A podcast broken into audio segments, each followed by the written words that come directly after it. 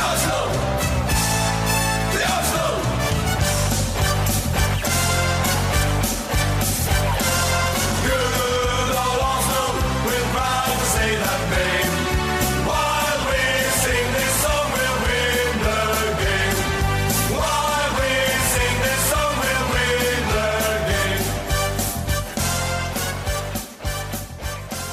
Verið velkomin í Hæpur Ísland, ég heiti Eithor Og ég er Hilmar. Ég heiti Kristján. Uh, Við erum með gæst í dag, Kristján Guðbrandsson sem er svona 90 stjarnar á Keflavík. Verður velkomin. Takk fyrir það. Var, var ekki byggarmestar 97? Jú. Það ég var á vellinu, djúðlega kallt Já, það var það Já, og það var líka gaman að sjá sko, Tóni Adams okkar í Íslendinga þegar hann tekur loka vitið, hann hlýtur á mundu því. Ég held allir að búst við eins og ég að hann myndi bara þrjum á mitt markið, en eini hann lagði hann bara í hotni, sama hotn og, og markmann skutlaði sér, en þetta var bara allt og öðrugt En svo Lísa hann sagði þrumuskott og Já, það er mjög gana því. Drömmiskott þeir voru stórstjórnir í bónagavíka þegar þeir komu alltaf þar á vorin. Á hver var ástæðan fyrir því, var ekki henni Gunnar Magnússon eða? Jó, við komum, sko við komum einhver, nokkur sinnum þarna. Ég man að við komum líka 98 tíðanbilið, bara mitt tíðanbil Og jafnvel 97 held ég líka.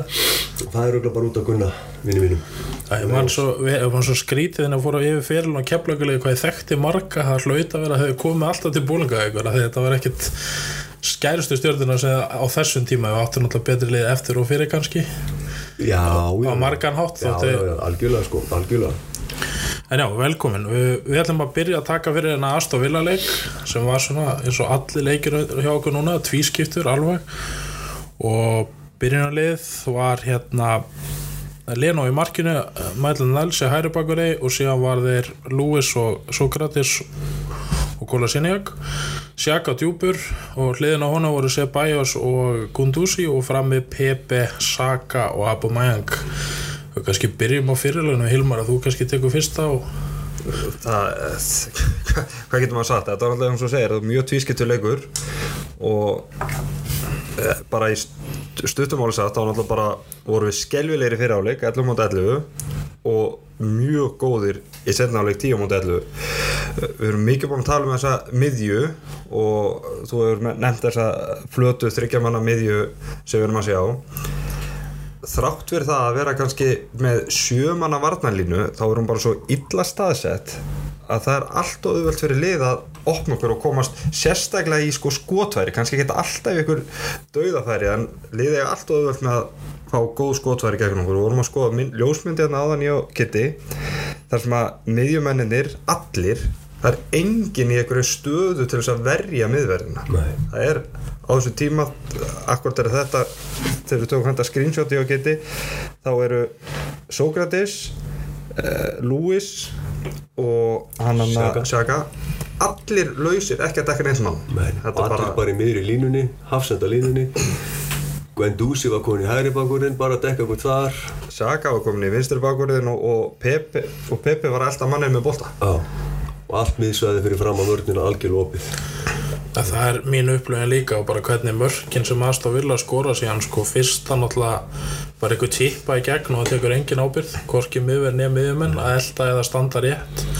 Og hitt markið þá er bara miðverðin er allt og langt frá að þennan póturunum minna Sko, eins, eins góður og hvernig Dúsi var og sérstaklega, sérstaklega í setnaðanleik það átti hann alltaf bara fyrsta markið skuldlust það hann gjössa, hann, hann gleymi mannunum fyrir aftan sig og er bara að horfa á bolta það, er bara, það er þetta klassíska sem glemdist sjáðu mann á bolta. Það er svona röð mistaka, við horfum líka á Maitland Niles sem er bara algjörlega, það er rosalega kærulus leikmaður, hann svona einhvern veginn leifir manninum að gefa fyrir. Svo standar hérna flatfóta Sókrates og Lewis og horfa á boltan og svo Guendouzi eins og Hilmar segir stendur þarna flatfóta líka, leifir manninum að fara aftur fyrir svo það gerir engin neitt. Það var ekkert sérstaklega góð fyrirgjöf í sjálfu sér. Jú, hún var góða því hún endaði með marki en, en, þú veist, það var auðvelt að verjast þessu en menn eru einbeittir, en við erum ekki einbeittir Men þetta er einhvern veginn svona milli svæðisvarnar og maður og mann en það gerir engin neitt sko. og pressan okkur er svo léleg og okkar lápressan eins og við kölluð hún er ekki til staðar. Nei, og hvað þá hápressan en lápressan er að því að þú fær bara skot hvað sem er á vellinum á okkur. Algjörlega. Og við, við erum líka búin að tala um það þessari viku ég geti að við vorum aðeins að bera saman pressuna hjá Liverpool sem er náttúrulega mjög há og mjög aggressív og bara þú veist, við erum mjög fljótir að- að að tvítekka menn og, og þeir ætla sér bara að vinna boltan á næstu 5 sekundum þeir eru búin að tapa honum. En ef að lið komast í gegnum þessa fyrstu pressu á Liverpool þá er svona aðeins auðveldar að að sem sagt klára sóknina. En hjá Arsenal þá bara einhvern veginn er engin fyrsta pressa. Nei, það er alveg rétt. Og allt og laus, menn er allt og langt frá og það er svona virðist einhvern veginn vera þannig að menn sé ekki öryggir á því hvað er eiga að gera og hvað næsti maður á að gera og svona allt og miklir möguleikar fyrir anstæðingin að finna sér leiðir út. Það er bara einfalt mál. Það er líka kannski að því að við spilum nánast aldrei sama leikjörfið Nei, nei, það er held ég háir að menn veit ekkit hvað er að fara út í eða skilja það er enginn hún örugur í sinni stöðu. Nei og, hérna, og það kannski þessi aðstof villaleikur við erum alltaf svaka lánaðar að vinna en eins og í hálfleik maður bara þetta fyrir 3-4-0 fyrir vill það var ekkert í okkar leik. En sér kom bara þessi gæði í Abumeng og þessu köllu sem skil okkar sigurunum þetta er einstaklisgæði og við unnu leikina því að hann var búið með skiptingarna held ég hann gati ekki fokka meiri liðin ykkur það var einhvern veginn orðið mín upplöfuna því að hann gati ekki haft lengur áhrif á leikin hann var búin að skiptina á og Sjaka og Sebæjas voru ekki með í þessum leik að mínum að þið voru kraftlösir og bara ansi slappir fram á við mm -hmm. Gundúsi bætti sér sinna á leik og það, þar vannst leikurinn bara þessi tveir miðjumenn sem kom inn að hlaupu bara yfir þá mm -hmm. sem var bara vel gert í þánum en ef horfið sér líka á bekkin á Emri, hann er bara lost ég haf aldrei séð Nei. Já og, og hann sjálfur líka við tölum bara um það í síðasta þætti hvað hva hann er æstur og hleypur um og vorum að gera grína á hann hvort að leikmenn sé að skilja hann og hann var bara einhvern veginn frá fyrstu mínútu þá sat hann bara í rólutum og hann var eins og eitt stort spurningverk Akkurat, ég er alveg sammála því. Hann var ólíku sjálfum sér, Mjög svo. sko. Sammála, hann var það Það er kannski ágætt að bæta þig líka við, þú talar um einstaklingsframtakarna, þessi ábæmi mang og fleirum. Og ég er alveg sammála því. En mér fannst líka að koma alveg rosalega kraftur með veist þessum skiptingum sem komu hérna á 70. mínútu.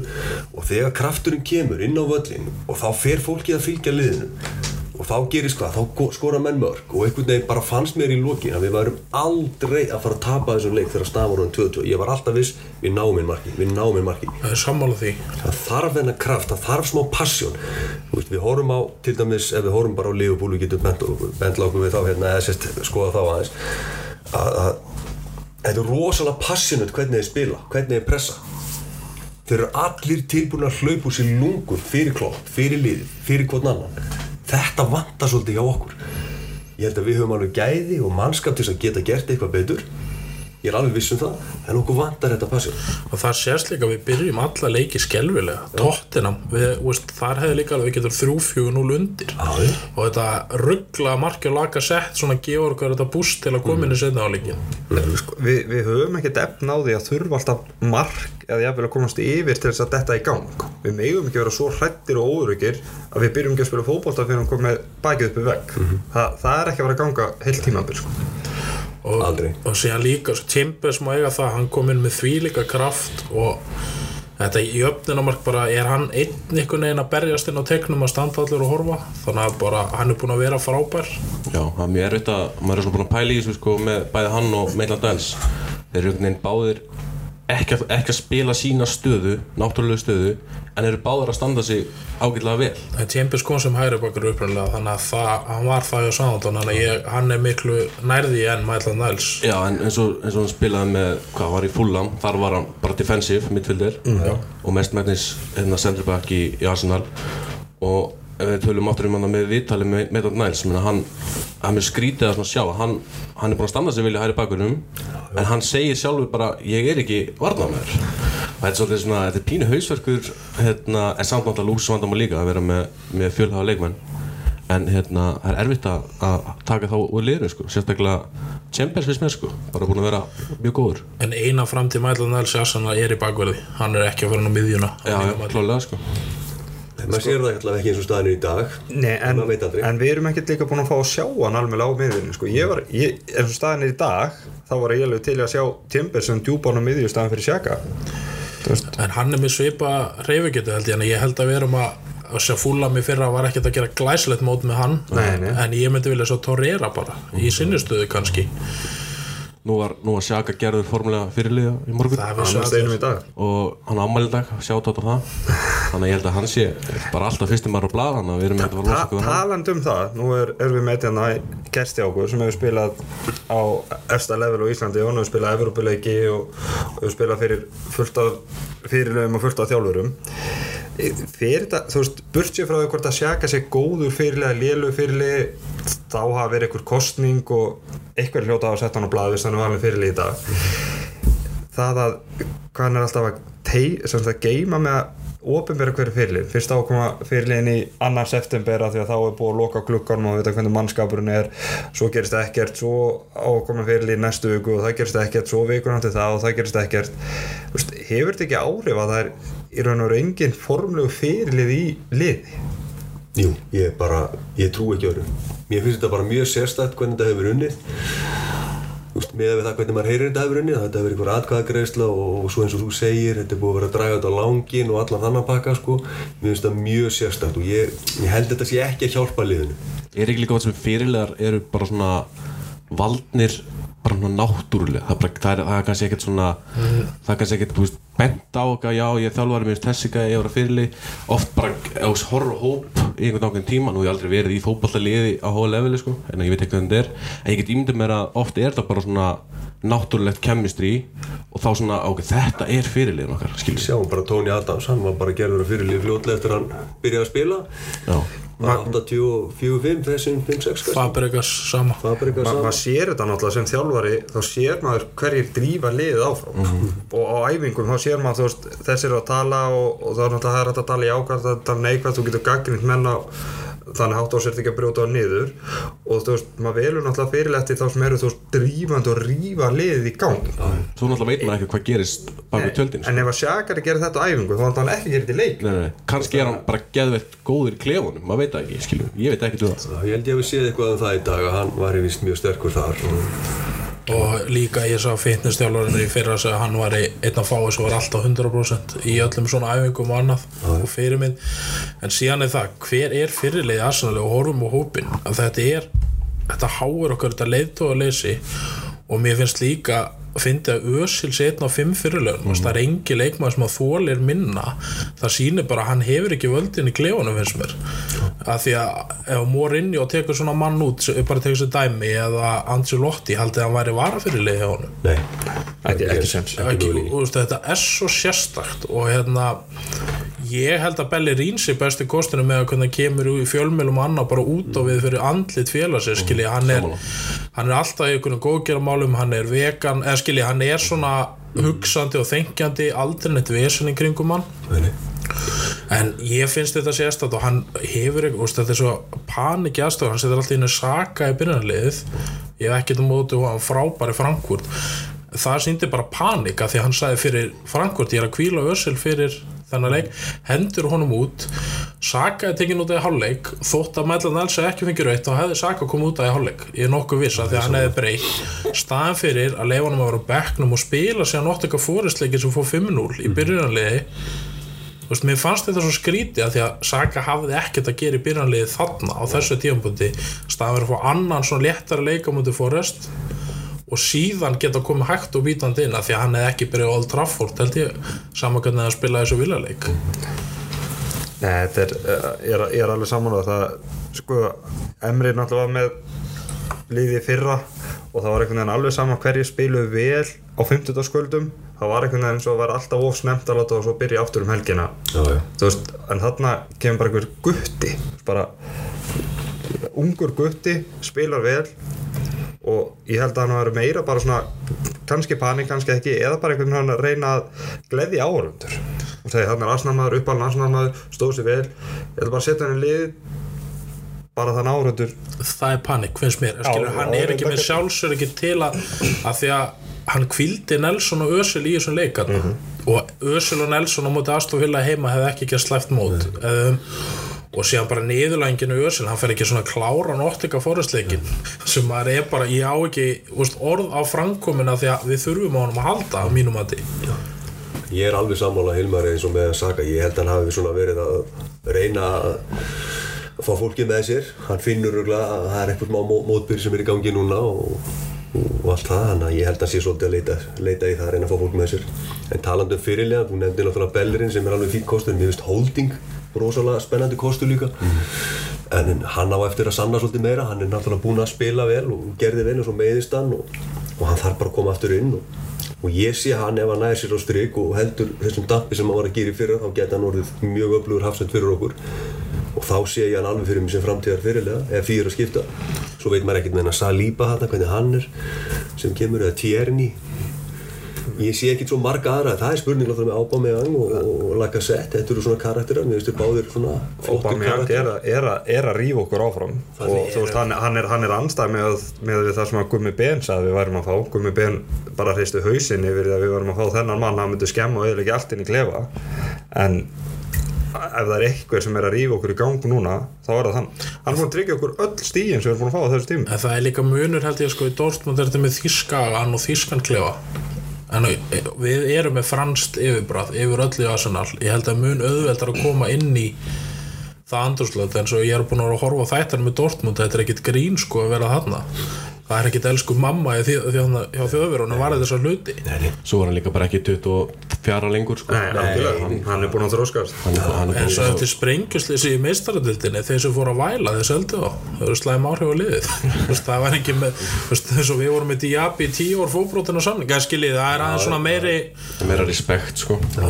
En hérna en Abba Mæðingar gjössalega búin að halda eitthvað upp en ég bara er síðan eigum núna náttúrulega og náttuga fórhastleikunum var kannski tökum hann á eftir. Þetta er betra að taka Villa yfir í Manchester. Við höfum Manchester United næst sem er náttúrulega eru ekki búin að spila spes eins og við en það er náttúrulega típist að Jesse Lingard skora þrjú mörg ári og þeirra ástóðsending ári alltaf mot Arsenal og alltaf fara nýja samning sem er kostur fyrir okkur í longrun en ég er alveg komið nóg á hannum í þessum Arsenal leikjum en hvað heldur þið að sé sterkast að miðvarapari sem við getum sett fram? Ég vil eiginlega svo gæti svo Lúis báð út með við fyrstu leik Ég er alveg, alveg samanlega þér með það. Ég, bara, ég er farin að halda að Mustafi sé bara ekkert verri kostur eftir að hafa séð eins og Lewis átti fannst mér tvö mörg því að við tölum um hvað Dúsi gerir mistök í fyrsta markinu á Ástu Villa. Mér fannst Lewis líta hrikalega illa út líka Já, já, þeir, þeir gerðu og það sérstaklega í setna markinu. Og hann er bara eins og ég sagði bara í fyrsta þætti þegar við hérna vissum að það er bara sæna Lewis bara á sama tíma. Jú, þetta er örgulega frábær leikmaður á, svona, á góðum degi sko, en hann, hann er svo mikið spurningamerki og mikið trúður og við erum bara fann að sjá það. Og já, ég, svo var margir búin að tala um að hann eigi að vera fyrirlið Pól Mersson vildi það, ég meira rugglið sko. En maður er lung, lungu hættur að hlusta á Paul Mercer sko. En ég er saman, ég held að, ég held að Mustafi og Holding í framtíðinni getur bara verið besta parað Mustafi er allavega ekki búin að gera henni mistök þessar 180 mínútur sem hún búin að spila núna sko. það er rosalega stutt í kúkinni á Mustafi og ég bara nefnum ekki alveg gleyma okkur. Nei, ég, sko, ég, ég, ég myndi freka vilja sjá sko, Holding og Louis, Seldon Holding og Sokratis með hvernig þeir eru búin að spila núna. Þó svo, ég er alveg samanlega Louis er búin að vera hálfgerðu trúður og búin að gefa, gefa allt og mikið sko, en, en Sokratis er einhvern veginn ekki ég, ég, er ekki, ég er ekki viss. Hann var alltaf svolítið stabil, fannst mér. Svo fannst mér hann bara byrja við fengum svo okkur 57 mörki fyrir hann ég veit ekki hvað og hann tek 58 ég- guðspjöld eitthvað sko. hann spilaði flesta leikinni fyrir sko. Hann einhvern veginn virðist alveg geta dottið í sama gýr og Lewis bara, hann er búinn að vera í þeim gýr alveg hræður, í byrjun tíuplisa þetta er, að var, ég fíla hann en ég er bara orðin, þetta er orðið það slæmt að úst, holdingi hlýtur að byrja. Bara úst, við eigum eiginlega ekki um möguleika og öðru fyrst mér. En svo voru hann alltaf bara framtíðar framtíðar farið verið bara Holding og já. vonandi bara, Já, bara- vonandi eru að gera getur við ekki hann bara í janúar reyndar er hann alltaf mittur og ekkert búin að spila Saliba sko, þannig en það er bara spurning, hvað held ég að úst, hvað myndið þú gera Kitty og þú er gammal varnamæður ég myndi hafa Holding og, og, og Lewis allavega í næsta leik en, en ég held að hann haldi sér við Sókrates og, og Lewis. En heldur að Chambers kom ekki potið til byrjunarlega fyrir hann kemur í bakkurinn, get ég trúað. Já. get alveg trúað því. Já, ég held að hann er búinn að eiga, bara vinna fyrir því er, já, já, algjörlega. Hann, hann sko. og Kola Sinjak er búin að gera mjög gott svona í byrjun tíubils með að hvernig hann endaði fyrra þannig að hann hlýtur að halda þótt Tinni, eða Tinni er ekki að fara að spila strax aftur held ég. Nei, hann var alveg búinn. Hann var Hann alveg búinn. gjössamlega búinn. Hann fekk hann eitthvað 60 mínútur í, í hérna undir þetta tryggjarleiknum og svo spilaði hann hann hvað lengi 75, 6 það var, eitthvað var en hann var allavega, maður sá það hann var, hann byrjar að byrja skiptingu algjörlega. sko. hann tók hann einn 80 metrar sprett sko, og þá bara, þá var ekkert eftir. Mér, ég er hættur að verði bara sama liða mútið villa nema Chambers kom inn og og spurning hvað kemur inn fyrir Saka. Ég held að hann þóra ekki að spila Nelson. Nei, þannig að ég er hættur að það verði blessað tígul með hann aftur. Og það bendir allt til þess Villok er að fara að spila hann að leik held ég Gunduzi, Sjaka og Ceballos. Það er svona með að hvernig hann er að skipta inn og annað ég trúið ekki að Nelson, Saka eða Özil fái Geta get- geta hann ekki að vera að taka Özil út af bara svona til að hann er búin að spila bara 70 mínútur hann þarf mínútur sko. Hann þarf að Það þarf ekki kvild hann þarf enga kvíld sko. En haldið að setja ekki tóra í einn farið sér bara í fjóra, þrjá eða fjóra, tvo, þrjá, einn. Við erum bestir þannig. Ég, við erum er ábæsti þannig, ég bara skil ekki okkur hann er ekki þar. Ég, Nei, ég, Torreras, en ég bara, hann vill ekki spila Özil virðistura, en þá bara spurning allar að setja Gunduzi út á kant af því að Sjaka er að fara að spila, skiljiði? Já, já, Sjaka, Sjaka sko, hvort sem að Sjaka sé að fara að spila alla leikin á þessu tímabili hann er alltaf að fara að byrja á móti United til hann nýbúið að skipa hann sem fyrirlega Já. það er bara, það er það það held ég, ég held að geti henda við af því að Manchester er ekki með fljóta miðju. Þeir eru með McTominay og Matic og Mata. Pogba geti komið inn en miðjan á Manchester er hæg og uppspil er hægt og Sjaka geti nýst vel þar en nema, nema, nema uh, nú allt ótt og lenda á móti Manchester United það kemur einhver nýr ungur gutti og rústar okkur og það kemur ekkert órt og Greenwood myndi byrja og þá er sóknarleikurinn strax og miklu, miklu fljótari í United. Já. Þannig að En þú veist, það er spurningan, ég bara veit ekki hvað hann ætlar að gera því ég sé hann ekki starta Nelson eða Özil á kanti eða þú veist, ég er að tala um hver á að vera á vangnum með Pepe og. Aubameyang í þessu leik. Gæti sett sér bæja þar geti gert. Gæti gert það En sjá, sjáu bara hvað við erum í leiðilegur stöðu. Það, fyrst, það sem við tölum um í fyrsta þættjum það er að hann þarf að fara að sína stöðuleika á nefnri með uppstillingu og leikskipula og við erum komin kannski ekkert langt inn í tímabilið en við vitum ekkert hvað hann er hugsa. Og ég held að leikmenni sjálfur vita heldur ekkert hvað hann er hugsa.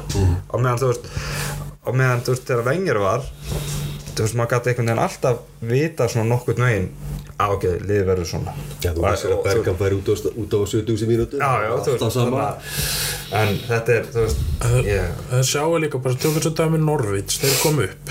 Og þeir eru ekki, þeir eru með sko Tim Krúl í markinu, sételda miðverði, og Grant Hanley er í miðverðinu sem unni eftir nú Blackburn. Mm -hmm. fóreldur hans er sískinni í nokkuð við sko og hérna alveg vonlusleikmann, þeir spila sitt leikjörfi, sinn bolta og þeir vinna sitt í, þeir þeir- ekki að leggjast í vörð en það er ekkert identity okkur. Eins og, eins og hérna til þess að Louis van Gaal var, hann bara framir í mitt okkur Rassvort þú spilar, þú ert 17 ára. Það skilji, okkur það er bara ég veit ekki, úst, það er líklega við sænginum frí transfer ofta tíðum heldur en að að spila bara fjóra þrjá þrjá og byrja þá bara með Saka eða Nelson fljóta kantmenn. Þá gætu við þess að endaði 3-5-2 auðvitað við vitum það ekki, hann á það inn í erminni þar hæðum við tóldi Það spila með þryggja manna varnalínu Já, það kemur ekki óvart þarna heldur sko. Og hann færi í 3-5-2 með Pepe og Aubameyang frammi sko. Annett. og vera þá með, með þarna alla með, Chambers, Lewis og veist, það kemur ekki. Holding Lewis og Sókrates. Úff. Þannig að það kemur ekki kemur ykkur óvart, þegar skilji, það er ekki það er ekkert sem kemur á nógu orð lengur. Nei, ekki þegar Emery kemur. Ég persónulega er ekki sérstakur aðdándas og mér sjálfur sér bara fatta ég stundum ekki hvað hann er að gera og mér finnst rosalega erfitt að lesa í það hvað hann er að og hvernig hann mögulega stillir upp. Bara eins og við erum búin að vera að tala um. Og ég sé bara ekki rosalega mikla breytingar á því næstunni bara því miður. Þá held ég þetta verði bara svona úr einu í annað og, og hann verði svona eins og við svo vorum að tala um á hann eitt stór spurningamerki Þetta er líka að fyndi hvernig við erum að því að síðustu þrý leiki hefur skorað 11 mörg fengið okkur tvö. En þá líka hefur, finnst mér, hann er ekki verið að spila besta línu sinni og hann er meira svona ekki að reyna að stjórna allum, hann bara þeir að fá tæki fara að koma inn og það er ekki ofmikla pælingar og það er eins og Ljúmberg sá um síðasta leika því að horfi á hann, hann tala af alla áður að koma inn og eitthvað svona. En síðan er hann bara í vandræðum og hann er með svo marga sem þannig að spila í form Ceballos er ekki búin að vera góður fyrir utan börli Nei, nei. og við getum alveg verið sammála það Já, já. og við vorum að tala um að kaupa hann á 500 miljonar punta eftir þann leik en sér, sér maður núna að maður er ekki alveg að hrifin á hugmyndinni Nei. og Özil, það er ekki hans maður samt vara fyrir lið Þú veist, þetta- Fyrirlegt, mjög fyrirlegt Er hann búin að gefa þú út að þessi varafyrir? hann er einn af fimm, það er Aubameyang, Lacazette, Özil og Sokratis þetta er fimm manna teimi eins og í NFL og hérna, sem mjög skrítið en ekki fyrir þetta er bara, þetta er orðið eitthvað svona absúrt. Em, Emri átt að hlusta á Andrew sem hann segir um Arce-blokkið bara stilla liðun upp í fimm grúpur og fimm fyrirlegar hverju grúpu þá var þetta bara komin, 20 fyrirlegar og, og máluðu dött, nei 25 fyrirlegar og máluðu dött. Allir eru fyrirlegar þetta er Já, ég alltaf, ég, Emri er ekkert, en sem vinnur á Manchester, þá er maður einhvern veginn alveg opnarlösa gaggrinnan, eða skiljið hvað við, af því þá erum við komin langt á undan Manchester og Tottenham er ekki, eða Chelsea, þau eru bara ekki að ná sér upp heldur, þannig að bara smá stöðuleik, þetta er svona svo íslenska deildin og vinnu þrjáleiki orðið í toppnum með þú tapar orðið konið neðri hlutan. En þú veist, það er bara vonandi að finnur eitthvað byrjanlega og við náum einhverjum góðum leik. Já, ég sagði það fyrir Aston Villa leikin að sko, það er ekki nóg að vinna bara næstu fjóru og fimm leiki hann þarf að, þarf að sín, sína stöðuleika sko, jú, við vinnum Aston Villa en það var, það var sama, það var sama rugg, það var sama ruggli á vörninni, það var alltaf öðvöld að opna okkur og þú veist, það er ekki fyrir mér á mundin einu færri, og við erum búin að segja nokkur sem þetta og leikmennir tóku, það bara í sínar hendur. Við getum ekki alltaf sínt karatisigur sko. Við þurfum bara Nei, ofta nei, við, nei, við getum ekki alltaf verið að vinna svona sigra eða alltaf að byrja að spila fótbolta þegar við komum ba sem bakið upp í vegg. Þú veist, við þurfum bara, núna þurfum við að koma með okkar sterkasta lið inn á og hann þarf að sína, þetta er, þetta er mitt sterkasta lið þetta er liðið sem ég ætla að spila þetta er liðið sem að önnur liðið eiga að hræðast þegar við komum Emirates og hinn lið þurfa bara að díla við það. En við erum enda bara einhvern veginn svona við veitum ekkert hvað hann gerir. Hann vaknar og er á lögadeginum og með, hann er með fimm fyrirlega hann er örglega bara með fimm mismundi liðsupstillingar svo bara, hvað á ég að nota? Að sjá líka Watford þannig sem slátur á okkur og við hefum átt að tapa þeim leik. Þeir töpuði 8-0 fyrir City. Já, já. og 5-0 eftir 20 mínútur. Átjón minúti Já, og þeir spiluðu svona í byrjun á mútið okkur. Mm og skiljið hvað við, það, þeir voru ekki góðir í fyrirháleik það er ekki fyrir en þeir bara rífa sér í ganga þannig í slagsmálunum undir lók fyrirleik sem þeir vakna voru, við áttum að, við hefum getið löngum búin að klára hann að leik og þetta er bara, mér finnst það bara það er engin karakter í gangi í liðinu það er engin, fáið leiðtóar sem sést að það er kosið um leiðtóa Já, það er engin svona áþurifalur bara þetta er maðurinn, sko. það er ekkert svona, þú getur ekki bent okkur og sagt þetta er maðurinn. Það er engin svona sér okkur. Þú veist, e- e- Þetta er alveg pínu einstæmi eða ekki Ég, ég, nú fylgist maður mikið með Arsenal fréttum en en ég, mér, Nei, nei,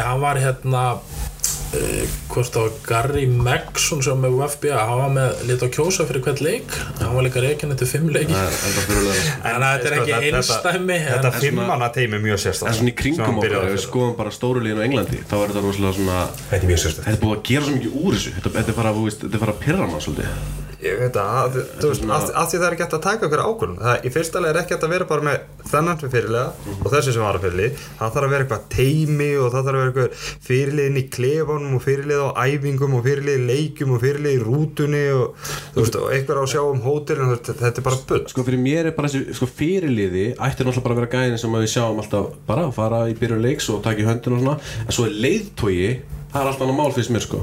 Ég, veist, mér mér finnst geggja að við sem farum að reyna að spotta bara potential leiðtóa í liðinu og það er alveg hett líka potential leiðtóa með það. Bara svona ef við horfum yfir, yfir liði þannig að þú veist fyrirliði versus sko leiðtói ég held að Emri sé svolítið að reyna að leita af fimm leiðtóum en þetta fyrirlega konsept er náttúrulega svo, þú veist, er orðið bara finnst mér pínu astanlegt sko með hérna hvað þeir með að tala meira við dómarana hvað er meira svona sem að fyrirliðin er að gera, skilur ef við tökum bara leit, ef við vitum maður fimm leiðtóri í liðinu og, og bara á æfingum og utanvallar hvað er þá fyrirliðin að gera auðvitað, skilur annan hann að koma inn á vellinu og taka í Í mínum höndina er þetta bara rosalega einfalt. Það er bara einn maður sem er fyrirlið eins og til dæmis Tony Adams var fyrirlið. Hann hafði fullt af leiðtóðum með sér. Hann hafði Davy Seaman og hann hafði Bolt og Dixon og Winterburn og Keon og, og svo komu Viera og Petit og Henry og Bergkamp. Bara endalaust af flottum karakterum sem gáttu alveg verið fyrirlegar þannig. En það var bara eitt fyrirlið og það var Tony Adams. en fyrirlegin er líka sko svo sem þjálfanin ofta sem þjálfanin fer ekki. Því þjálfanin veit ekki hvernig leikmennu líður oft eða hvað er í gangi og þá er oft talað um hann hérna sjúkarþjálfun okkar sem var í ennska landslið hann tók Gary þetta já, hann var þessi gur hann var náttúrulega fór og eitthvað vesen þar. Þegar hann fór eitthvað leiðindi því hann er síðan ekki farið, þetta er náttúrulega bara Arsenal maður. Og hérna fyrirlegin þarf átt að díla við svona hluti sem þjálfarinni geta ekki kannski spottað endilega sem gerist eða er eineltinni klefa til dæmis eða er eitthvað skiljiði þannig að þá er það ekki þjálfanum sem fattar en það, það er svo mikilvægt þótt ég veit ekki hverju fyrirlegin í Manchester þannig hugsa fljótt út í það en það skiptir ekki máli en þeir, það, það var ekki gert neitt mál úr því hverju fyrirlegi Nei, og þá eru kannski líka komnir í þessa stöðu. Við sjáum ekki hvað, hvað gerist á baku tjöldin. Og kannski er Sjaka bara eitthvað svona karakter sem að leikmennin trista þeir geta að tala við hann og hann er með bein í nefinu til þess að rífa kjátt við Emri eða þess þarf. En hann er ekki að sína þetta inn á vellinu sem sem að ég vil sjá í fyrirlega þú veist, ég, ég vil að fyrirlegin séu svolítið gott fordæmi fyrir ungu leikmennina og þeir eru með svona leikmenn sem að slökku á sér og fari í eitthvað svona þú veist, fáránlega tæklingar. Ógeðslega heimskulu brot viljandi gulspjöld þú veist það er ekki, að mínum að þetta er ekki góð fyrirlega að hann er ekki hann er, þú, þú, getur alveg skynnsamur og getur hjálpað liðinu með að kannski bróta þér eða ná í spjald fyrir liði sko, en hann, hann verður stundum bara detta út í bara og, og hann verður bara einhver ég veit ekki hvað, það er ekki, ég á ekki eins og lýsingar maður sér samt alveg svona í þú- ég ætla nú að taka upp smá hanskan fyrir hann Karl ekki, ég er ekki mikill aðdáðanda sko, en maður sér samt alveg ákveðna eiginleika í honum svona fyrirlega eiginleika. Mm. Vist, það er alveg karakter og hann er öskar á menn og, og svona það er fætir í honum honum er ekki sama en að samaskapi koma mínusöndir eins og þessar fáránlegu tæklingar og, og svona og svo kannski þetta mögulega dæmi að hann er kannski ekki besti maðurinn í liðinu. En hann- En ég held að líka leikir við hái sjakagreinu svak eins og öllum, það er engin miðjum að spila vel núna með Villó kannski, ég held að því að hann er bara svona þokkalega kærlis en þó en við tökum svo dæmi sko sjaka, að bara hann er alltaf einn á móti fimmönnum sem er ekki hann styrklegi, síðan tökum svo AC Milan um árið, Pirlo var hægan en sjakar hann var auðmari sjaka, skilji. Hann vissulega klárari en hann var aldrei í þessu kjaftaði það er alveg, Mikael Karrik var ekki fljótan en sjaka, eða sterkja en máli er að leikir við að spila þannig að þeir gáttu blómstrað. Já, þú verður að spila leikjærfi út frá leikmennum ekki vera með eitthvað fast leikjærfi og svo reyna að tróða leikmenn inn í það leikjærfi og það, maður hugsa stundum um að þannig er Sjaka Sjaka er ekkert lélugur í fótbolta. Þú veist, enga veginn. Og, en, og þú veist, hann spila alltaf vel fyrir Sviss af því þar snýst fótboltunum að spila bolta sem hendar Sjaka mm -hmm. hæja svolítið á miðjumönnunum, gefa honum tíma, tíma frelsi, frelsi af því hann getur nelt 50, 60, 70 metra bolta pinpoint. Alltaf á- lentum mann, vel í sko. því síðastu höst það, finnst mér dálítið skrítið því við höfum hort á leikmenn sem eru skiljiði bara mikið á marga hátt eins og hann þeir blómstar en þetta er líka dálítið leikir og hann er settur alltaf í stöðu sem hann getur ekkert sinn sem kemur Torreira, hann er hann kantmaður allt í hennu eða skiljið hvað við, ekki hann að blómstra? Og þú veist, er, mér finnst þetta líka há liðin okkur dálítið mikið ofta tíðum. Eins og sjá Abba Mike, hann oft gemtur út á kanti bara en sjá þennan færa að vera í miðjunni.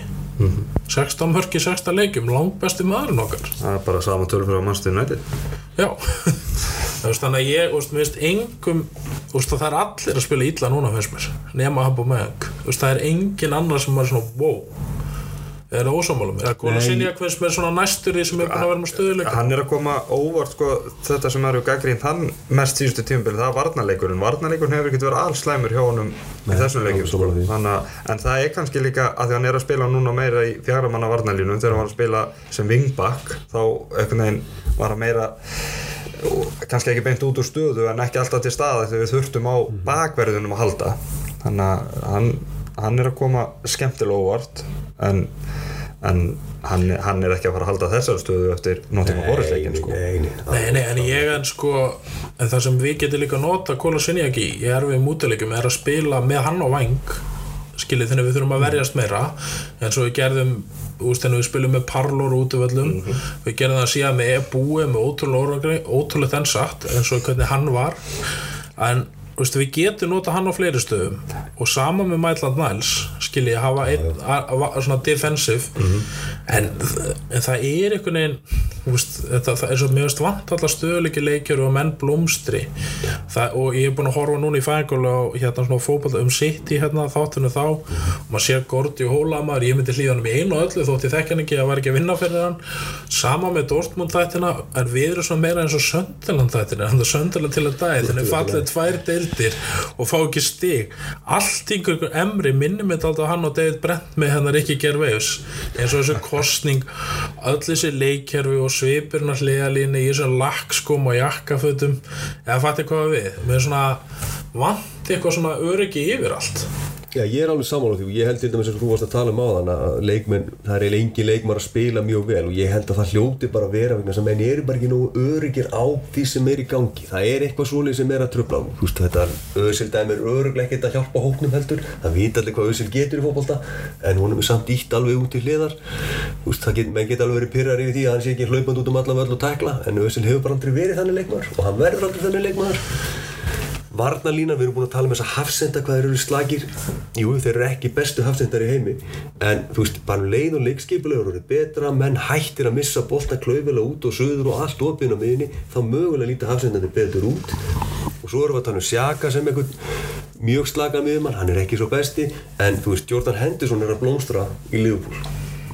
Það segir manni bara eitt, þetta bara snýst um bara leikskipulag og trú hann er ekki besti fókbaltamæður heimi en hann er fýtt fókbaltamæður það er líka vörnin og börnlei sem dæmi og markmær, þetta er ekkit sko pappir um eitthvað stórkámslegi leikmenn. Nei. en þeir eru vel drillar með sjálfströst og vita hvað að gera. Svo varðalína við lítum miklu betur út en okkar. Já. og það er alltaf sem þú ert að segja að lið sem er með miklu af því að það er erfitt að kaupa miðverð í dag sjáum bara Manchester United, þeir eru búin að eða 200 miljonur punda og eru ennþá að ströggla. Þannig að það er ekki peninganir sem er að fara að kaupa það góða vörð sama með Real Madrid, þeir keifti Gæja Porto á 60 miljónu evra hérna Brassan, Gabriel. Og hérna úst, þannig að það er ekki það, þetta er eins og þetta að segja þetta er illa drillað og það er ekkert sjálfströst í neinum. Og við getum bara hort á vestam allt hérna, þeir eru bara í hælanum og okkur og maður horfir á liði á þeim og bara ha, það er bara vel drillað hjá Pellegrini, það skil ég hvað við? Já, það er enda stuttlið á móti. Þannig að þú veist, ég hef nú trú á því að við hefum eftir að síga frá vestam. En, en bara að þú nefndir hérna háar uppæði fyrir varnamenn. Veist, við horfum bara á Bolt og Dixon og Winterbjörn og Tony Adams besta vörð sem Arsenal hefur nokkuð tíman haft. Við höfum kipt fyrir innan við miljón pund þessi vörð svo með Markmann upp á miljón pund. Loren var ekki dýr Sol Campbell var ódýr Túri var ódýr og Ashley Cole kostaði ekki neitt. Og Lehmann kostaði og ekkert Lehmann kostaði ekki þannig að þú veist þannig erum við með tvær bestu varnir Arsenal þetta var frekar útýri varnir. Þetta snýst ekki alltaf um peninga þetta snýst svolítið um að finna réttu mennina sem geta unnið saman. Ég held þetta með þess að við erum búin að tala um hérna með Lewis og, og Sókratis persónulega finnst mér í báði vera hálgjöri trúðar. Og ég sé bara ekki hverja tvo trúða vera að gera eitthvað svaka hlut í Premier League. Bara sorry, ég bara sé það ekki. Bara ekki breyk. Það er fínt að balansa það sko, vera með kannski mjögulega eitt trúð og síðan restina stable gæja af því að þú veist, það, menna, ég þetta er oft talað um að það þarf oft bara eitt varnamann til að gera næsta varnamann betri. Getur verið í einhverju svoleiði situation líka ég veit það ekki. En sen er við náttúrulega í vesen líka að Maitland Niles, hann vill ekki spila það og búin að gefa út óbjörnberlega sem finnst undarlegt að hann spili þá alla leiki. Og hérna okkur vantar líka bara stöðuleik og veist, hann er fýtt en hann hefur líka sína galla og þeir mun alveg komið í ljósi og hann fyrir að spila alla leiki. Ég sérstaklega hann áspilað sem hægri bakvörður Já, og, eh, en ég veit ekki alveg hvað, veist, Mustafi er betri, þú sko, Lúis er góður á bolta hann er ræðilegunir í teg Mustafi er betur á bolta líka en Sokratis en náttúrulega Mustafi er búinn. Emri náttúrulega tók hann á lífi í fjölmjölum og nú spilar hann og hann okkur leik. Þetta er svo undarlegt allt hjá okkur að þetta, Mustafi og Özil eru vinnir, sko. En Mustafi fær bara að spila eins og Frankfurt-leikin og svo Nottingham Forest-leikin og svo er hann ekki á back í deild sko. Þannig að hann er ekkert hugsaður eins og inn í United-leikin þú veist, við getum glimt í að hann sem mögulega að fara að vera þar. Já, en þú veist þannig að þetta er og líka er hann að fara að panika og henda bara sak nei, hérna holding í byrjanlegum til Manchester? Og er það á snemm, það er líka hræðið með að hann meiðist aftur.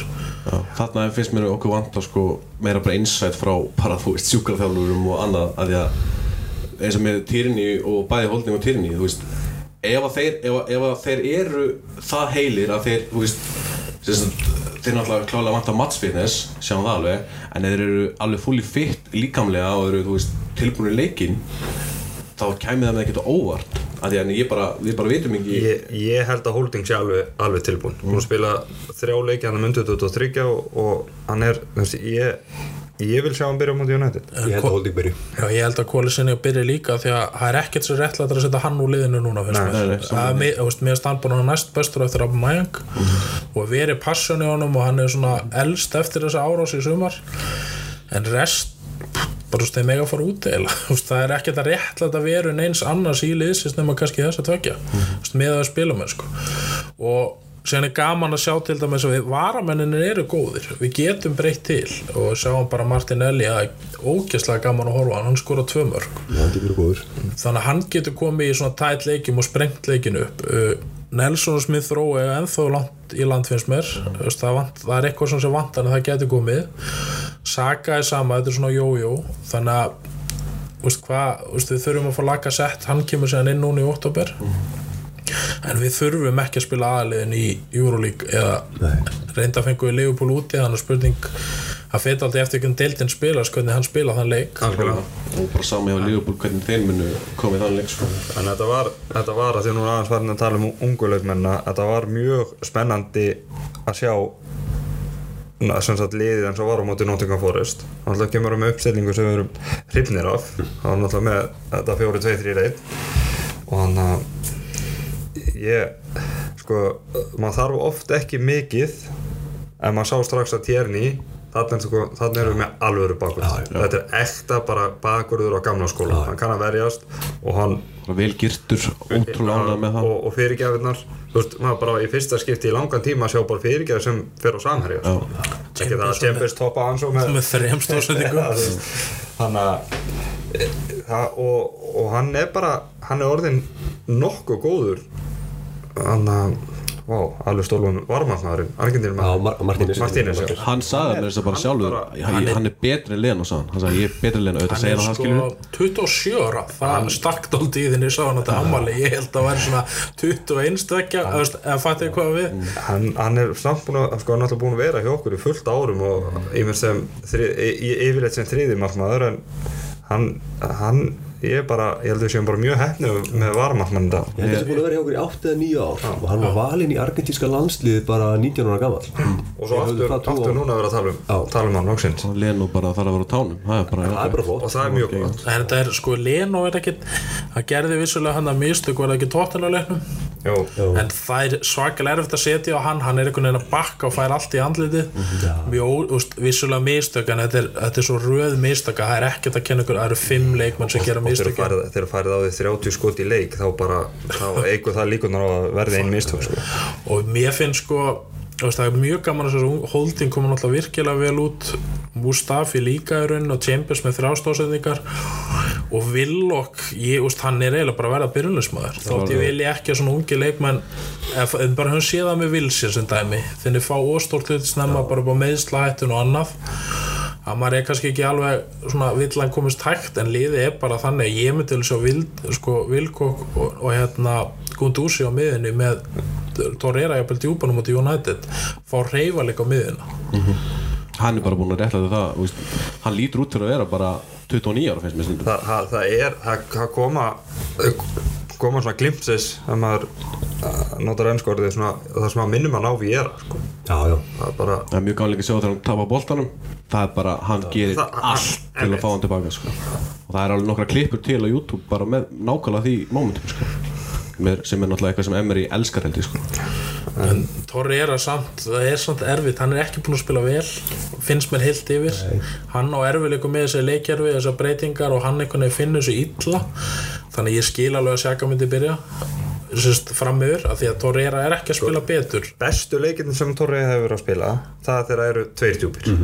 Þegar, þegar hann fær svolítið það hlutverk að verja kantana eins og Chelsea leikun sem við fórum á kjöti Já, já. þegar hann og Gandusi eru tveir djúpir á miðunni og þeir að stoppa vangspili á Já. þá voru þið geggjaðir sko. en svo spilum við næst á eftir þá spilum við byggjarleikum átti Manchester United sem er þá sko búin að vera að vinna allt undir stjórn Ólíkunar Solskjör því að hann var ný kominn og þeir eru að spila svipaðan fótbolta með þrjá snögga framherja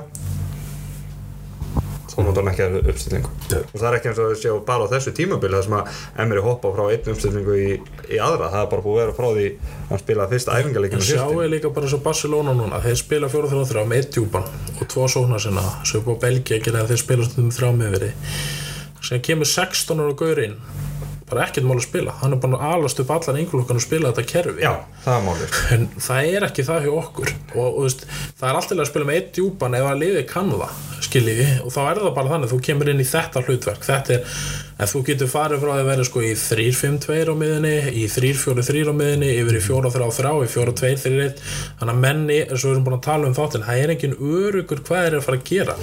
Talandi börli, þeir spila bara 4-4-2 þetta hlutverk eitt punktur. Já, Gæti það ekki bara verið að batna núna af því við erum komið með þannig struksjur á, á, bara á klubnum að nú veit, ég, nú veit ég að Wenger var alveg mjög áhugasamur um, um yngri liðin og, og, og skipta sér mikið að því.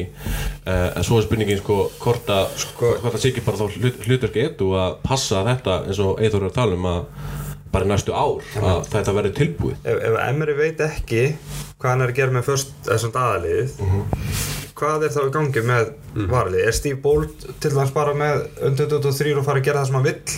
Þú veist, þetta, þarf að vera svona eins og Eithor var að segja á hann veist, það, er bara, það er bara sama kerfi frá þú fer í 11 manna bolta og þú veist, íslensku liðin er að gera þetta. Í er að gera þetta.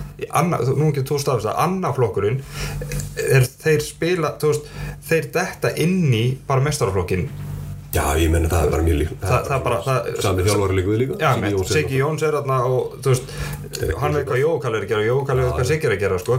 þetta þarf að vera, þú veist, þú þarf bara að ala liðið upp í þannig fótbolta sem þú vilt ef að efsta liðið, aðaliðið veit ekkert hvað er að gera og þjálfurinn veit ekkert hvernig uppstillingin á að vera þá hugsa maður hvað er í gangi þá í Já, nú, við getum séð það svo vel á íslenska boltónum FA á ekki yngur leikmenn allt í hennu að þeir eru bara búin að kaupa inn.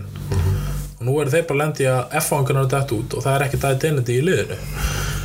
Ykkarlið Keflavík þegar komið upp, það er keftir átta leikmenn allir seldi næst tímabili eða stennum fallið. Það vantar svona fram besta dæmi hérna veist, þeir bara alltaf bara voru upp í 20 ár bara að kaupa leikmenn átti ekki leikmenn en maður daga Guðmundsson í hæri bakvöli þú skiljið hvað við, nú er fram að stígu upp að því og keflaðið bara fínt tímabili innkasso að því að það er komin einhver hugmyndafræði í, í struktúrin en þetta til þess vantar hjá okkur finnst mér og Emri, veist, bara þessu óstöðu líki það er svo sæðum bara eins og sjá bara eins og klopp spila 4-3-3 fer stundum í 4-5-1 þennan verst og erfiðum útvöldum eða skiljið hvað við, það er bara smá aðbyrði sama með Pep Guardiola, nema mikil meðsli á þetta stundinu þryggjum hann á vörð en veist, þetta er það sem er að há okkur svakalega og tökum sér hvernig, við tökum ekki hotspunni lengur, við spilum tilbaka á aftasta mann. Hversu pyrrandi er það? Nú hefur alla með tvo miðverði hana það er ekkert jafn pyrrandi og hlaupa frá sínu vitateig alla leið yfir til þess að fara að stanga niður, við höfum nú skorað nokkuð mörg með skalla, ég og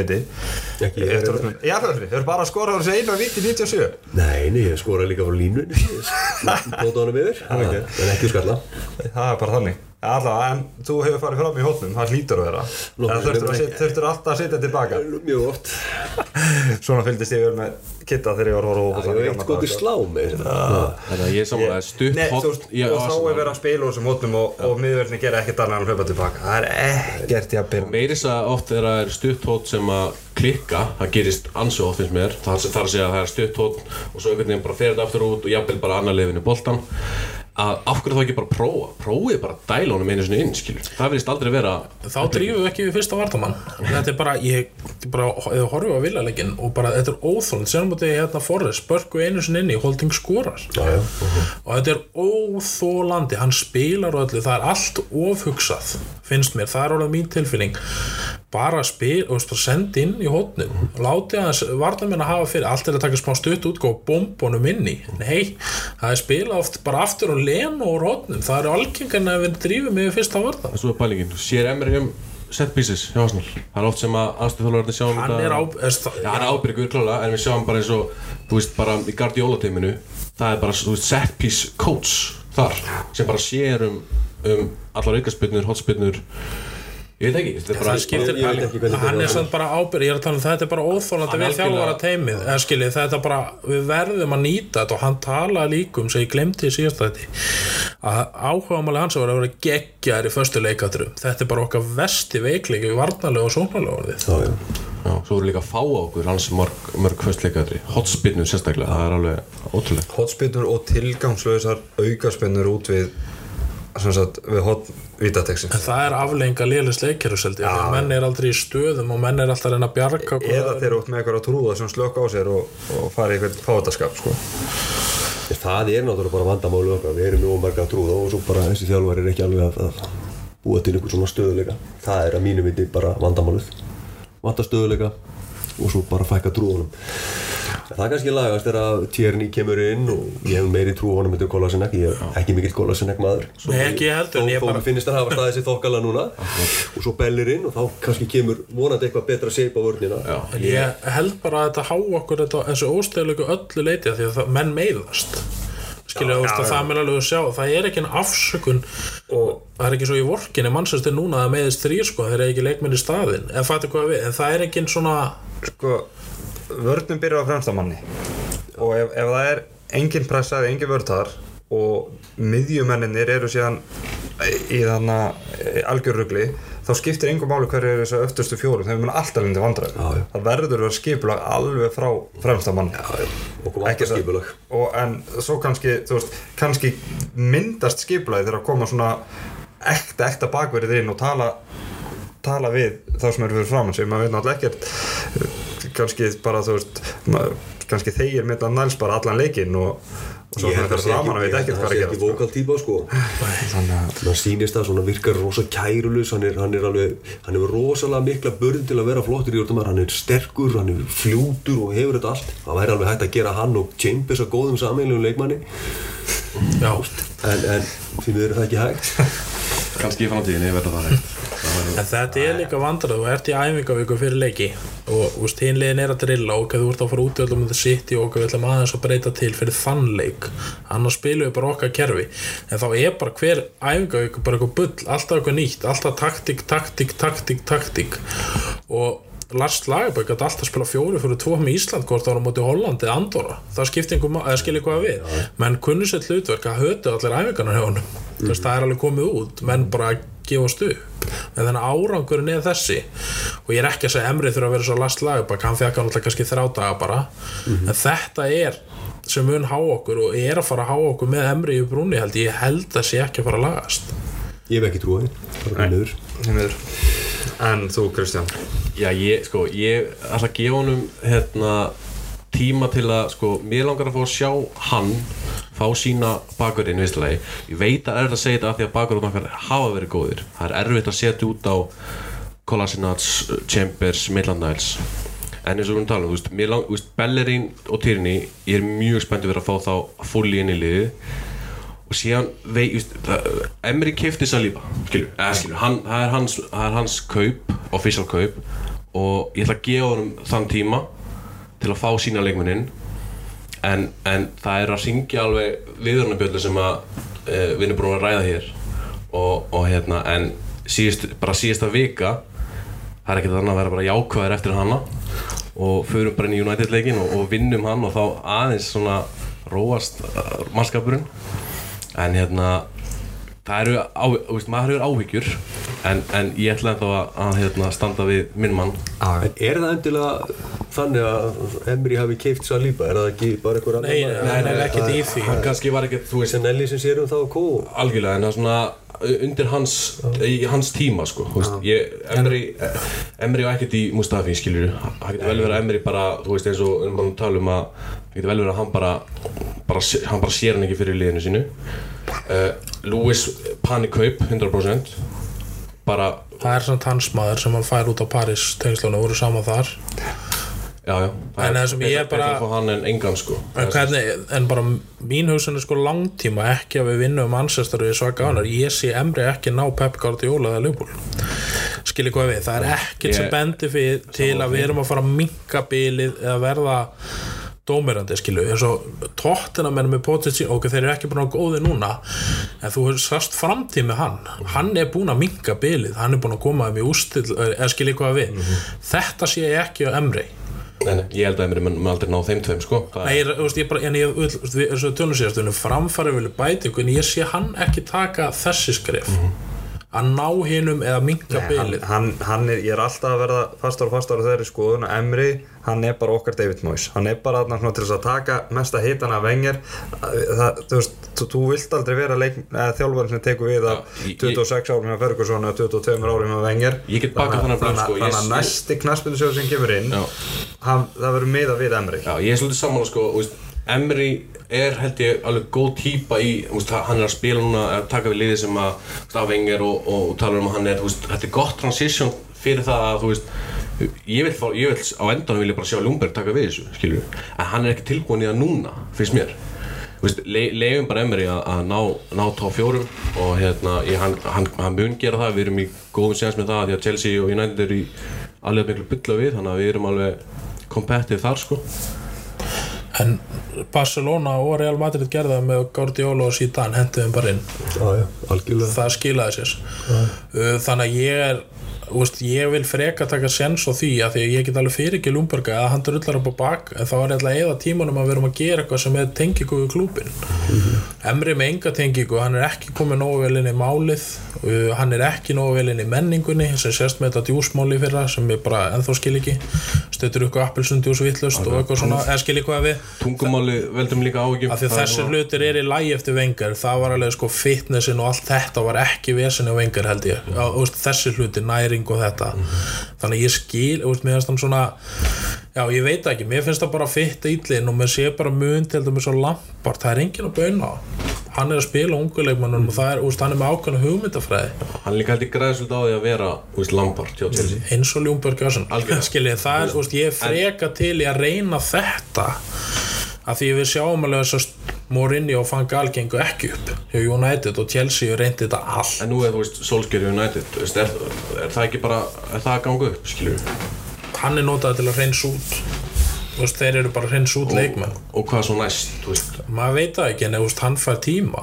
Allir mannsæstu menn er þú veist, þú vilt freka ekki að þessum tíma heldur en Eddie Howe. Akkurát, algjörlega, ég, ég saman því. Þa, það er bara mest logíkala að vera með, vera með mann sem að allir bera vinningu fyrir. En ef Emri breytir og fer bara í fjóra þrjá þrjá eða hvaða leikir svona er og heldur stöðuleik og fer að spila svo við mönnunum þá er ég alveg tilbúin að skilji, ég vil hún að gangi vel. Ég er ekki óska þess að við höldum það er náttúrulega alveg Arsenal. sjálfsög En, en ég hef eitthvað inn á tilfinningunni að hann hafi svona verið bara ráðinn í einhvern ákveðin tíma þangað til einhver annar kemur inn ég, það er bara svona einhvern veginn mín tilfinning Hann á, hvað var hann, eitt, eitt ár? Nei, eftir? hann er, rennur út í vor og hann fekk ekki framlengingu sem Ok. segir mér Ok. það er eitthvað umöld að starfenda því bara ok, ég er rekin, það er ekki að bjóða með samning eða skilji, þannig að þeir eru heldur ekki að gera þetta létt Nei, nei. En þetta er bara umhverfið en er það tilfelli, var það Hann- þurft hann- að gefa honum framlenginguna strax þá í hausti eða? Nei, veist, ef við ætlum að halda honum ef hann er maðurinn okkar þá er nokkurt að reka hann síðast á vor eða gefa honum áfram til samninga því að farinni síðast ára samningu sjá bara leikminni hrættir um að meiðast eru hrættir um að klúðra og kemur þessi hræðsla að því hann virkar ekki á með þessu Guardiola bara með mesta sjálfstöðst í heimi og bara svona smittar út frá sér. Ja, eins og til dæmis hann satt þarna á bekknum undan ennum út af Aston Villa það var, virkaði ekki liftrand á sjálfströsti þá. Nei. Það var eitthvað skiptið sem ég sé hann svoleiðis. Já, það var svolítið sérstætt moment. Já, Hann, mann leiði eins og hann hefði verið að hlusta á þáttun okkar og svona alltaf svona aðeins að- að róa sig sko. Og líka kamerumenni voru að hlusta á þáttun okkar með Ljúmberg því að þeir síndu Ljúmberg miklu oftar en, en, en hérna Emri sko en sama hvor stjórin tapar á mánudaginn hann verður tekinn að lífi fjölmjölum eða Solskjær tapar þá fær hann sko hitta og ef Emri tapar þá er það ekkert eitthvað lítið grín hitin sem hann fær. Og þannig að þetta geti hendað í steindötu 0 í aftöfla því að þeir eru báðir skítarættinu starfið sitt. Þetta var alveg góða það ekki byrjum ekki að það steindaukt 0-0 en, en já, ég, það, þetta verður ekki steindaukt 0-0 það verður mörg Það var rosalega erfitt að átta máðu svo leik. Ég, mann náttúrulega veit ekki hvernig byrjunlega okkar verður og, og hvaða möguleikar eru í stöðinni Laka setti vantilega ekki komið inn. Nei, Nei.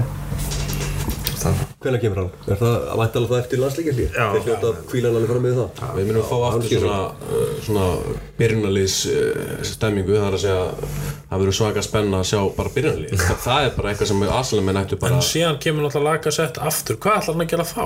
Eða því að sko þú getum ekki tekið abumæðing og framherunum það, ég, það, ég held það. Ég, ég ég, skilur, hann fer aftur út á kant. Ég er nokkuð viss en ég er að segja skilur við erum í það er svo mikið vesen í honum af því að það er ekkert identity í gangi.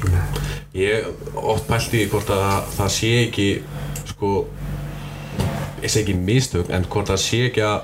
það að veist, að hafa þá tvo báða það eru tveir geggjaðir framherjar og hafa bara sína eiginleika það er svo erfitt að spila þeim saman. Alls ekki, þeir eru góður í fótbolta og bara spilar össul með þeim Ég þá var klikkað. ég var bara að segja að Ábæðameng er bestu frammi Lagasett er bestu frammi Ábæðameng spilar kantum að því að hann getur það betur en Lagasett hann, hann hefur gert það áður.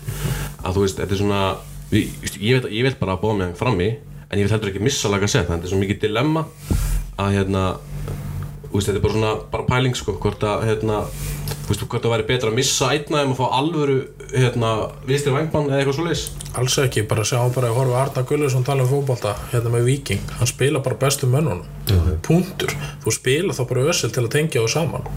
Hvort það annar var er bara tvo frammeira já, eða bara þrjá, Pepe Abo með einhver laga sett og þeir eru róterandi með mann sem getur komið boltanum á þeim. Ef við einhvern veginn spilum með flata þryggja manna miðju sem kemur boltanum ekki fram eins og mútið tóttinam mm -hmm. fyrirháleikum með Villa sama, leið og Gundúsi byrja að hlaupa fram og Sjaka byrja að hlaupa fram, þá fóru þeir að lendi í vissin Við erum, sko, ég held að allir Arsenalmenn dreymum að fá að sjá þessa þrjá frammi og ösulu fyrir aftan til þess að dæla inn á. það. En hvort það mun tíma að gerast? Ef að það gerist að þá er laga sett upp á topp ábámið á kanturum og, og Pepe hinum. Ah, það verður alltaf þannig.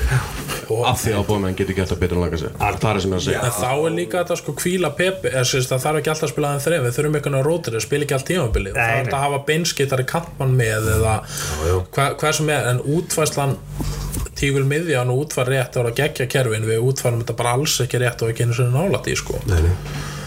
Og bara þessi dæmi Arda Gullur spilaði með tígul miðju í byggjóðstaleiknum held ég og, og móti bregðablíku slátraði F á, eða skil ég hvað við. Þannig að ef þú ert vel drillaður þá gengur þetta.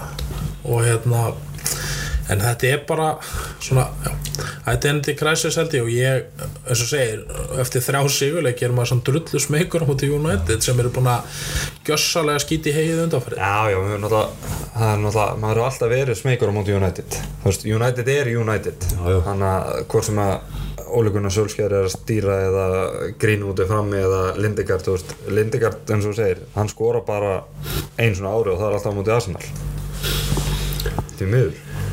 Já, já, ég, meni, ég er alveg saman á því. United er náttúrulega alltaf lið sem var erfitt að eiga við. En ég held við getum alveg tekið þetta lið og eigum bara, ef við sýnum þetta passjón sem liðið sýndi þetta síðustu hvað 30 mínútunar á móti Aston Villa þá þarf ekki að hræðast eitt einasta lið sem er helviti stilt þá erum við bara með þetta. Ég held að við þurfum að vera alltaf eins og Mike Bassett sagði, bara farið út og spila fótbolta, ekki þurfa að ofugsa hlutin og bara alltaf svona hætta þessu taktisku pælingum og treysta þeim bara. Að þá, en ég er svo hrættur um að fari í ofugsunni í þrjá, fjóra, þrjá og eitthvað svona bull. Ég hef akkurat þessa tilfinningu fyrir hann líka, hann hugsaður um mikið og spáur um mikið í hinn og þessu og í staðan fyrir bara að spá í sínu veist, við sjáum bara eh, eins og Klopp, við vorum að tala með Klopp á þann, við sjáum þegar Arsene Wenger var með þessu besta lið, sko, veist, þetta var alltaf sama lið, þetta var alltaf sama rútínan og, og þeir þá snýrist þetta bara um gæði. og sem þeir sem kom inn stóðu þessu vel að því að voru allir með sjálfströst og þú veist, þú fest hjálp frá hinum en núna bara því yngri svo ert ég betra því ég heldur þið hafi ekki lært að vera stressað sko. Það er einhvern veginn mín tilfinning Þetta ekki það ekki. það er kannski lokin, hvað er upp á sleikmanni þinn í Arsenal núna? Í dag? Ég, sko, ég, ég hef átt marga upp á sleikminni Arsenal, en ég á eiginlega enga núna. Bara sorry. Ég bara, einhvern veginn er þetta lið ekki að ná til mér, bara þannig. Tjerni, ég sagði við vinn minn í, dag á Facebook að ég ætla að fá mér Tjerni búningin. Ég litist það vel á hann. En, en, en það er engin svona, En Þetta held ég sem er, ég var að minnast á með leiðtó og eitthvað svona sterka karakter þetta er sem myndi aldrei vanta eða skilji hvað við, bara þannig að Persi var upp á þess besta og maður bara dyrka hann, eða skilji hvað við bara allir heldur með honum, Fabregas séðan náttúrulega Henry og, og þessu komu. En núna eins og segja að flakka allir á engin sama uppbólsmannin skilur nei, Ég held að er ekki ösilega þá að selja flest tröðnar ég Já, ég held að hann sé bara í vinnu í búðinu núna að selja treyður. Ég held að það sé hlutverki hans. Hann, hann Bellerín og Aubameyang er heldur svona vinsalegsta leikmennir í þessu liði sko. en það er engin svona risagöður eins og við höfðum eða skilji hvað við Eftir, eftir eitt eða tvö ár þá verður það Holding eða Saliba. já, gæti verið. Það væri geggjað. Það væri, sko, við þurfum svolítið á því að halda Willock. við, við þurfum svolítið á því að halda að við séum að fara að fá ógeðslega góðan miðvörð sem er að fara að vera uppáhaldsleikmar alltaf. Gæti líka verið Willock eða Saka eða Nelson, þetta er sungustrákar, Smith, Rowe. Þetta eru Arsenal menn, þetta gæti alveg tikka tölvu stertinn. En í dag fyrir mig, ég á engan einhvern eitt svona alveg bara en allra tíma er það Adams eða Það er eiginlega Pat Jennings, tóttina maðurinn sjálfur. Það er maðurinn sem fekk mig til að halda með liðinu. Ég er bara dáðist á hann, þetta er svo hríkala flottum margmaður. Adams líka, já. Liam Brady og svo Viera. Besti miðmaður sem við spilaði í ennskum fótbolta. Það er Patrik Víra ég er sammála því, ég sakna líka. enginn komið snála á hann, enginn. Ég er sammála, ég sakna alltaf Jens Lehmann líka. Það er já, já. En það voru miklu flottari karakter og maður einhvern veginn held upp á þess að kalla sko, miklu meira heldur en til þess að góður í dag. Maður er allavega á þeim stað. Ég er alveg sammála, þetta er nefnilega daldi ég er alveg hjartanlega laga sett er í uppáldi en hann er samt ekkit svona eins og Píres var til dæmis eða Viera eða Bergkamp, Henry Campbell Bergkamp og Henry náttúrulega miklu upp á því líka. Það er erfitt að gera upp á milli en þú að held svakal upp á alla. Það er ekki bara Ljúmberg ég fílaði Ljúmberg sko, mér það var frábær sko Já, já, bara eins og eru búin að sjá þarna uh, kostninguna sem var lag á netið. Hver, hverju kusu hvað Já. það var djókið, þá var það Will og kusu þess að Ljungberg sem fyrir það það er eiginlega best sko. já, já, það er líka bara við missum svo mikið líka hann að Per Mertesacker fyrr ég er alltaf að segja, hann var karakterin okkar og leiðtóin og hérna hann var ekta, ekta leiðtói sko. og þá, hann sá um sektasöðun, hann borgaði allir á tíma. Já, og, og þegar hann, hann reyfi þarna í ösil og, og skammaðist í ösila þegar hann ætlaði ekki að klappa fyrir uh, travel, eða svona að veil að vei aðdándunum sko.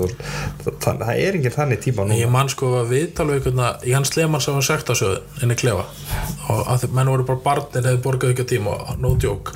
Síðan tók Almunia við og það greitt enginn í tvö ár. Og síðan tók Mertesacker þennan hafa keftur og það greitt allir á tíma. Þetta er einmitt sko með fyrirlegin og leita það er engi, ég sé engan svona ef einhver ætlar að segja að borga ég myndi fara að hlæja flestum hann í klefanum Já, er að sko, Lehmann tók svo við aftur og það er alveg fræg saga þegar þú máttur ekki vera með sixpensar inn í klefa. Þegar Niklas Bentner er með sixpensar hann og lappar inn og, og Lehmann kallar strax á hann. Hann að sett að þú veist að það er sett fyrir þetta. Og þá segir, svara Bentner eitthvað svona að það, þú sér ekki um sjóðum núna. Yes. Big, big Dane Lehmann is back. Veist, þannig að þetta er einmitt sem vantar og ég veist, Venga líka, hann var ruthless. Veist, þegar menn gengur við striki munum við til Gallas, Bentner og endan við henda með Bentner eða skilji hvað við. Chesney já, þú veist, það bara, menn fara þetta sé ég ekkit núna, sjá bara Mustafi hann er ennþá þetta brosandi. Já, ég held að það snúist nú kannski svolítið um það að það er erfitt að finna kaupendur líka sko. Já, en ég bara, veist, þetta Vengar hefði bara já, já, Líka Emri hefur kannski ekkert sem er völdin Hann hefur ekkert sömu völdin. Þannig að hann, getur ekkert gert þetta held ég sko. En hvernig spá ég leiknum? Herðu, ég ætla að fara í 2-1 fyrir Arsenal. Ég held að segja 2-2 Þetta verður Þetta verður játtöfnisleikur Þetta verður skemmtilegu leikur en, en við verðum ekki droslega sátti með, með úslitin held ég. Við vinnum 2-0 Pepe og Abba.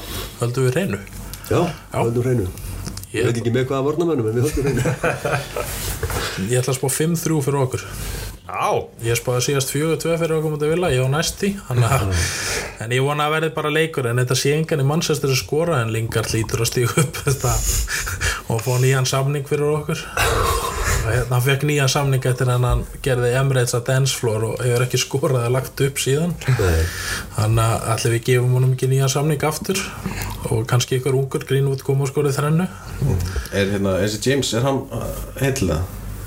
Já, en hann er bara veist, hann, er hann er góður. óvart stjarnan hann hefur ekki spilað svona vel. Svona tilfningi segir mér að hann sé að fara að vera stjarnan í veit það ekki Það vonandi bara að maður ekki skorið fimm og þá er málið dött. Það er en annars held ég að þetta sé komið. Eigum við leikið Európa-deildina eftir á hundeginu með er að fara í landsleikjali það er Európa-leikur, svo heima á móti. Og svo Vá Við tölum um næst, að já, borum á þess og næsta Það er á heimalegur móti standard lík Já, heimalegur mútið standard og svo heimalegur þannig að við getum unnið þrjá Európa-mestar á viku. Nottinga fórust aðstof villa og standard. Það var ekki slemt þannig að við erum orðin miklu starri en fjóra ef við Manchester. Já, þannig að þá erum við orðin bara bestir í Evrópu ef við horfum á það þannig. Já, en annars segi ég bara takk fyrir mig og vonandi vinnum við Manchester og takk hjá fyrir komuna. Takk fyrir mig. Takk hjá fyrir mig